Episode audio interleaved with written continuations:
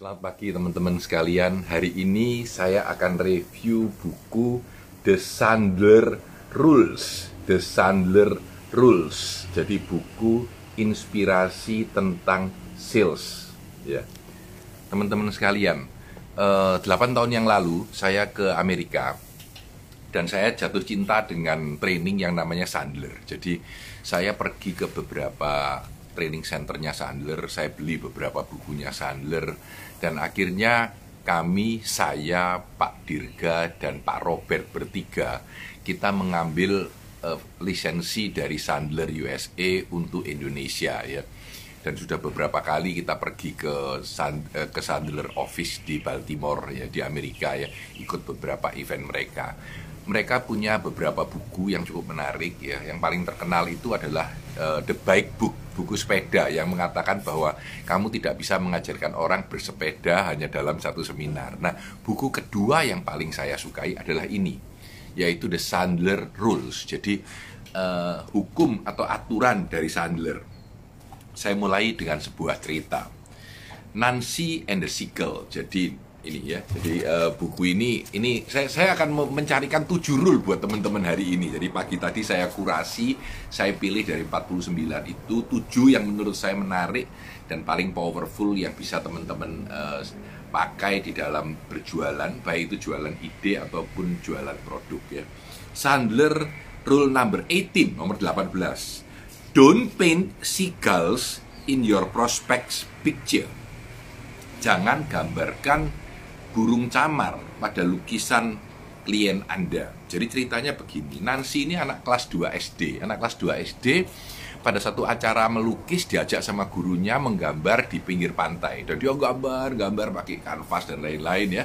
Sampai sore dia pulang. Pulang eh, lukisannya itu ditaruh di apa namanya di ruang kelas semua, semua bareng-bareng. Nah, besok paginya guru menggambarnya datang dan memeriksa gambar dan dia menambahkan burung camar, tiga burung camar gitu ya, di sebelah kanan lukisannya Nancy. Dan Nancy waktu melihat lukisannya dia, waduh ada gambarnya burung camar. Dia bilang, dia bilang aku nggak mau, aku nggak mau, aku nggak mau. Gurunya datang dan bilang, loh Nancy itu yang bagus ada camarnya. Lukisanmu terbaik di antara 100 murid yang ikut acara menggambar kemarin. Dan lebih cakep lagi kalau dikasih burung camar dan Nancy bilang, tapi aku nggak mau burung camar, aku nggak mau, aku nggak mau. Kepala sekolah kebetulan datang ya, dan ayah Nancy di luar dengar kok anaknya nangis, datang mendekati. Dan kepala sekolahnya tanya, loh kenapa, kenapa? Gurunya membela diri, dia bilang gini loh, lukisannya Nancy ini terbaik di antara 100 murid. Tapi terlalu kosong di sebelah kanan atasnya itu ya. Jadi saya kasih burung camar supaya dia bagus gitu. Lalu Nancy bilang, nggak mau, nggak mau, nggak mau, nggak mau gitu ya. Dan akhirnya semua orang heran dan tanya sama Nancy, Nancy, memangnya kenapa kamu tidak mau ada burung camar di situ? Kan itu membuat lukisanmu jauh lebih cantik. Dan Nancy mengatakan satu kalimat yang menarik. Dia bilang, sepanjang hari kemarin ketika saya melukis, saya tidak melihat seekor pun burung camar di sana. Saya merasa ini cerita yang powerful sekali. ya. Kita punya gambaran yang terbaik ya seperti ini, tapi pelanggan kita mengatakan hal yang berbeda. Dia tidak pernah melihat burung camar itu di sana. Nah, kalau Anda katakan bahwa burung camar itu bagus, ya dia tidak merasa bagus gitu. Jadi dalam teori selling, jangan terlalu menambah-nambahkan apa yang tidak diinginkan oleh pelanggan Anda. Kalau Anda misalkan berjualan, nih mau, aku jual properti, akhirnya orang bilang, oh ya aku mau beli deh propertimu jadi. Ya sudah berhenti, jangan bicara lagi gitu. Jangan menambahkan cerita bahwa Oh itu kamu tahu? Eh, propertimu ini terbaik. Di sebelah sana ada sekolahan. Di sebelah sana ada rumah sakit. Orang ini nggak jadi beli. Kenapa? Karena dia takut kalau dekat sekolahan nabrak orang dan dia nggak suka ada rumah sakit karena eh, membawa kuman dan penyakit. Jadi hati-hati. Begitu orangnya bilang aku mau berhenti. Ya, jangan menambahkan hal-hal yang tidak dibutuhkan oleh pelanggan. Taulah kapan untuk menutup mulut dan berhenti. Kadang-kadang kita sudah menjual sesuatu dan orangnya sudah oke. Ya sudah berhenti. Menambahkan satu dua kalimat oke ya. Tapi jangan menambahin banyak sehingga orang itu tidak menginginkan produk Anda justru karena tambahan informasi yang Anda berikan. Jadi Nancy akan happy sekali kalau dia misalkan diberitahu bahwa lukisannya terbaik, tapi dia tidak happy kalau lukisannya ditambah burung camar. Jadi kalau rule yang pertama yang saya bagikan kepada teman-teman adalah jangan gambarkan burung camar pada lukisan pelanggan Anda. Don't paint seagulls in your prospects picture. Itu yang nomor satu. Satu ya. Sekarang yang nomor dua, saya share kepada teman-teman. Saya janji saya share tujuh, tujuh rule ya. Sandal rule number 35 ya. Dia bilang, if your competition does it, stop doing it right away. Kalau kompetitor Anda melakukan itu, berhentilah melakukan yang sama segera. Jadi Sandler ini percaya banget dengan apa yang disebut dengan pattern interrupt. Pattern interrupt. Jadi menginterupsi pattern yang biasanya dialami oleh pelanggan, ya toh. Ketika Anda ketemu pelanggan selalu bilang, "Pak, mohon maaf ya, saya ini uh, sales ini ya ceklek dipatiin sudah punya ya. Jadi Sandler mengajarkan kalimat yang membuat orang merasa aneh dan tidak umum gitu. Jadi misalkan saya menelpon Anda, saya akan bilang, Pak saya tahu Anda tidak suka saya telepon. Kalau memang tidak suka ya boleh silakan tutup, tapi Anda akan kehilangan kesempatan membeli sebuah produk kesehatan yang saat ini paling diinginkan oleh pelanggan di Amerika. Jadi di pattern interrupt dulu. Jadi orang merasa, oh iya, ini ini ini kayaknya aneh ini, aku dengerin gitu. Nah ini ini disebut pattern interrupt. Nah, Sandler selalu bilang bahwa kalau kompetitor Anda melakukan yang sama dan itu adalah hal yang umum dilakukan orang, berhentilah melakukannya. Jangan melakukan itu lagi karena Anda akan dianggap sama dengan pelanggan dengan kompetitor Anda. Jadi itu uh, Sandler rule yang cukup menarik. Sandler rule yang berikutnya. Nah, ini menarik ini ya. Yes, ya. Saya pilih yang ketiga, walaupun ini sebetulnya Sandler Rule yang ke-37 dari 49. Dia bilang all prospects lie all the time. Semua prospek itu berbohong. Eh, dulu saya kalau ngajar ini di Sander Training ya banyak yang protes, Pak, klien saya tidak berbohong. Saya bilang itu karena dia klien Anda yang sudah percaya Anda, menganggap Anda adalah seorang yang autentik, seorang yang dapat dipercaya. Jadi dia tidak berbohong. Tetapi ketika dia masih menjadi prospek Anda, belum jadi klien Anda dan belum percaya Anda, dia akan bohong dengan Anda. Coba dibayangkan Misalkan ada seorang jualan ya. Lalu ah, rumah, misalkan Anda mau belilah rumah ini bagus ya. Anda ditanya ditanya sama salesnya, Mas, bagaimana Mas dengan rumahnya? Mau beli? Apakah Anda akan mengatakan rumah ini aku yang paling suka, yang paling aku impikan? Dan harga berapapun aku beli. Tidak mungkin Anda akan bilang bahwa ya cukup menarik sih, tapi nggak sebagus yang aku harapkan. Bohong kan? Bohong kan? Ya. Sebaliknya, kalau Anda memang pasti tidak mau beli produk itu, ya misalkan tawarin sesuatu produk ya, Anda tidak mau beli karena Anda mau beli punyanya kompetitor. Anda bilang sama orangnya, aku nggak mungkin beli punyamu karena aku mau beli kompetitor kan enggak. Anda akan bilang apa?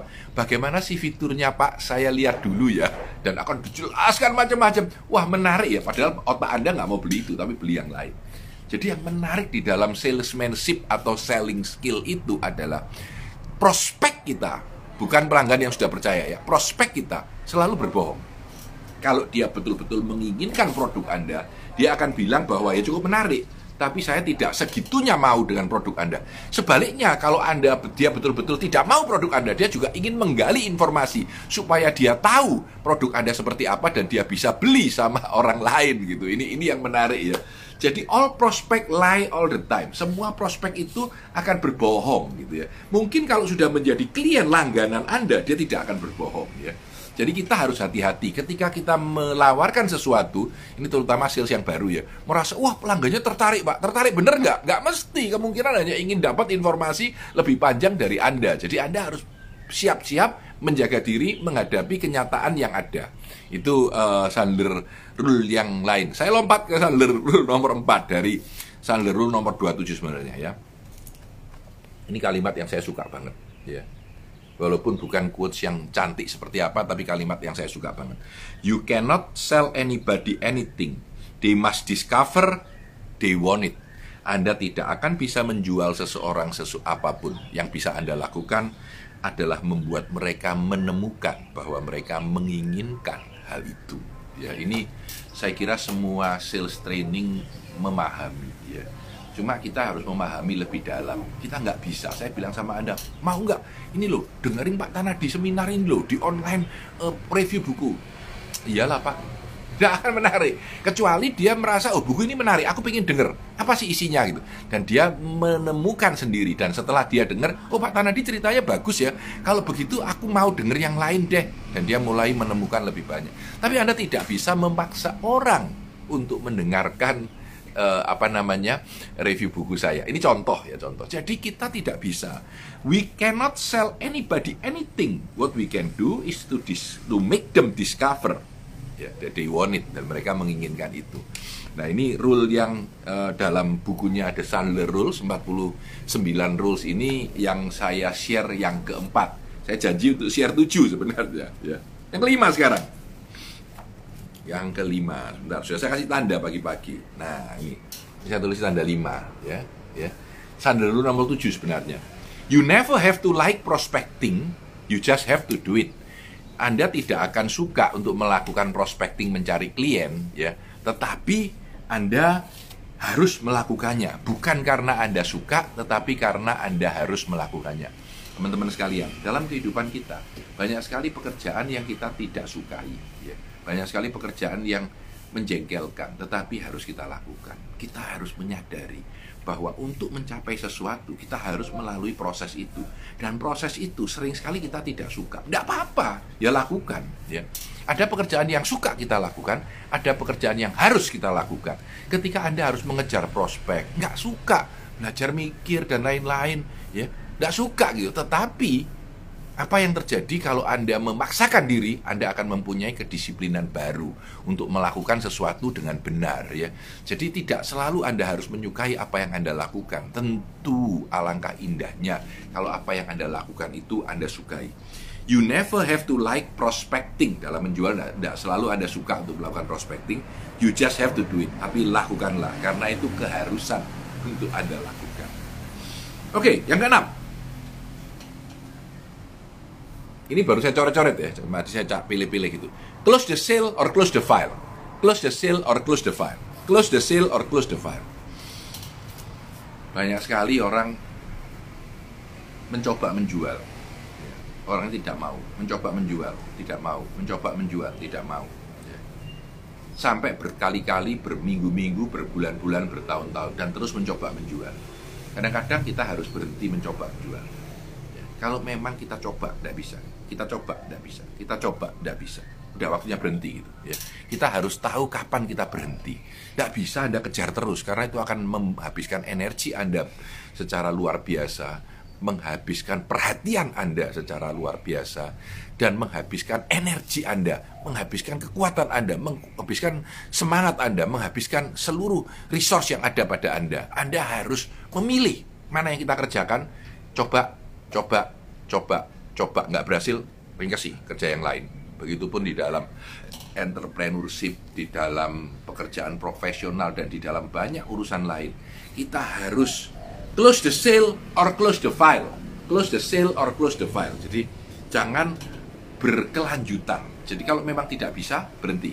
Lalu baru melakukan sesuatu yang baru lagi ya Itulah yang keenam dan yang ketujuh dari 49 timeless selling principle. Oh, saya pilih tujuh tadi ya. Tadi pagi-pagi saya pilih tujuh ya. Nah, ini adalah quotes yang paling disukai oleh Pak Robert. Jadi Pak Robert, Pak Dirga dan saya uh, eh, 8 tahun yang lalu, hampir 8 tahun lah ya, 7 tahun 8 bulan. Saya kita ke Baltimore untuk mengambil training Sandler pertama kali ya ketika kita mengambil franchise dari training Sandler. Maka salah satu yang paling Pak Robert suka itu ini selling is a Broadway play performed by a psychiatrist. Jadi selling atau menjual itu adalah sebuah sandiwara Broadway yang dilakukan oleh para psikiater menarik sekali kalimat ini. Saya akan cerita tentang Jimmy and the Cookies. Ada seorang anak namanya Jimmy. Ya, Jimmy ini uh, pulang dari rumah badannya masih kotor semua, sudah malam jam 7 gitu mau masuk bau wangi maminya bikin cookies ya. Dan dia masuk dapur dan bilang, "Mami, mami, mami, I want the cookies, I want the cookies, I want the cookies." Gitu. Dan mami bilang, "Jimmy, cuci tangan dulu, cuci muka dulu, makan malam dulu, nanti kamu bisa dapat cookiesnya. Jadi cuci tangan dia makan dulu karena dia kepingin cookiesnya ya, dan akhirnya dia makan cookiesnya dengan happy. Beberapa hari kemudian, maminya bikin cookies lagi dan dia lari ke belakang Jimmy masuk lagi lalu, mami, mami, mami, I want the cookies, I want the cookies gitu. Dan maminya bilang, Jimmy, wash your hand, wash your face, eat your dinner, and then you can have the cookies. Jadi akhirnya ya Jimmy nurut gitu. Setelah cuci tangan, cuci muka, dia makan cookiesnya gitu ya. Dan besoknya lagi dia balik lari lagi dan bilang, "Mami, mami, mami, I want the cookies. I want the cookies." Maminya marah sekali. Dia bilang, "Jimmy, wash your face, wash your hand, eat your dinner. Then I can give you the cookies." Gitu. Ya. Dan hari keempat yang paling menarik, empat kali kejadian ya walaupun harinya tidak nyambung. Jimmy lari lari lari lari lari lari lari lari. Pulang sampai rumah dia bau smellnya cookies. Dia masuk dia langsung cuci tangan cuci muka dan tanya sama maminya mami where is the dinner? Mana makan malamnya? Gitu. Nah sebenarnya yang dia inginkan apa? Makan malam atau cookies? The cookies. Teman-teman di dalam kehidupan kita karena kebiasaan kita jual di menghadapi sales ketika kebiasaan kita menghadapi pelanggan semua orang berubah cara hidupnya dan dia mulai menggunakan smoke and mirror atau mereka mulai mengelabui orang lain dan tidak mau jujur mengatakan apa yang dia inginkan. Semua orang akan berputar-putar, semua orang akan akan uh, apa namanya memikirkan yang terbaik untuk dirinya. Nah, Jimmy's and the Cookies tadi, ketika dia tumbuh jadi orang besar, dia lulus SMA, lulus universitas, dia kerja, lalu dia menikah ya, dan dia punya anak. Satu hari dia ditelepon sama temennya, eh Jim Jim Jim. Ayo nih kita uh, kumpul-kumpul yuk. Nobar nonton sepak bola nih. Keren ini. Ayo kita minum bir kita uh, apa namanya ikut taruhan sama teman-teman ya. Ayo yuk ayo. Hari Jumat malam ya. Ayo acaranya bagus nih. TV pertandingannya lagi hebat gitu. Sebentar ya aku tanya istriku dulu. Aku cek sama istriku dulu. Dan Jimmy tanya pada istrinya apa yang ditanyakan pada istri? Mam Jumat malam kita punya acara apa tidak jadi dia nggak mau tuh langsung bilang bahwa saya mau ketemu teman-teman lama untuk minum bir dan nonton. Dia cuma tanya punya acara atau tidak. Kalau misalkan istrinya bilang, oh iya Jumat kita mau ke rumahnya mertua, pasti Jimmy bilang, oh iya iya iya. Dia nggak akan ngomong lagi tentang acara diajak temennya. Tapi seandainya istrinya bilang, oh iya aku ini uh, Jumat nggak ada acara kok, mamam, boleh nggak aku ketemu teman lamaku? teman dulu waktu kuliah sudah lama nggak ketemu. Gitu. Kalau dibilang, iya memangnya kenapa sih? Oh enggak, sama teman-teman kumpul-kumpul untuk ngobrol. Mau nggak Jimmy langsung bilang, aku mau judi, nonton video, nonton nobar bareng, lalu uh, aku akan minum minuman bir. Nggak akan ngomong, ngomongnya nanti belakangan, teman-teman. Ini sharing story bagaimana manusia itu di dalam pertumbuhan kehidupannya mengalami begitu banyak hal sehingga dia mau tidak mau ketika ketemu sales langsung menolak atau langsung walaupun dia mau produkmu dia bilang enggak jangan diganggu saya gitu. Selalu kita akan menipu orang lain, membohongi dalam arti yang baik ya, bukan membohongi dalam arti apa, untuk kepentingannya, untuk melindungi dirinya. Karena itu, menurut Sandler Rule number 47, nomor 47 dari 49, selling is a Broadway play performed by psychiatrist. Jadi, menjual itu adalah Broadway play. Jadi adalah sandiwara Broadway yang dilakukan oleh para psikiater. Artinya apa? Artinya secara simpel Anda harus paham psikologi manusia. Karena psikologi manusia itu semakin lama semakin dibutuhkan. Tidak semua orang akan jujur kepada Anda. Tidak semua orang akan bilang harga terendah yang dia bisa beli berapa. Tidak semua orang mau mengatakan kalau dia butuh akan produk Anda ya. Jadi Anda sendiri yang harus mempunyai otak sebagai seorang psikolog atau psikiater untuk melihat apa yang betul-betul dibutuhkan oleh pelanggan ini dan apa yang bisa Anda lakukan untuk mencapai penjualan itu supaya terjadi. Nah, teman-teman sekalian, 49 Sandler Rules ya. Yang menurut saya menarik dulu adalah Wall Street Journal bestseller ya. Uh, ditulis oleh David Madsen. Saya pernah ketemu David Madsen ini adalah CEO dari Sandler Training dulunya adalah karyawan, dulunya adalah karyawan, lalu dia bergerak jadi sales, jadi apa? Akhirnya dia jadi CEO ya. Ketika dia jadi CEO eh, sahamnya waktu itu setahu saya 50% lalu dia beli lagi sahamnya sisanya. Akhirnya seluruh saham dari uh, Sander Training sebenarnya ditangani dimiliki oleh David Madsen ini. Orangnya tinggi gitu ya dan cukup baik hati untuk cerita. Orangnya kalem dan uh, kita pernah ngobrol bersama pada saat itu ya. Jadi teman-teman sekalian, dalam berjualan, selling skill itu adalah cara kita berjualan. Kita semua akan jadi sales. Tidak hanya produk, tetapi ide, tetapi harapan, tetapi uh, kehidupan kita semuanya akan menjadi sebuah selling proses gitu ya. Dan kalau Anda tertarik, Anda bisa uh, menghubungi Sander Training untuk training-training sales yang akan berguna untuk diri Anda ataupun untuk uh, karyawan-karyawan Anda dan teman-teman Anda. Uh, book review ini saya lakukan sekarang tiap hari, ya nggak tahu sampai kapan. Jamnya nggak pasti, jadi ada yang tanya jam berapa ya uh, jam 6 sampai jam 7 sampai 7.30 antara itulah ya. Jadi kalau waktunya sudah tepat pas saya tinggal lari ke atas. Ini di lantai dua di rumah saya di luar.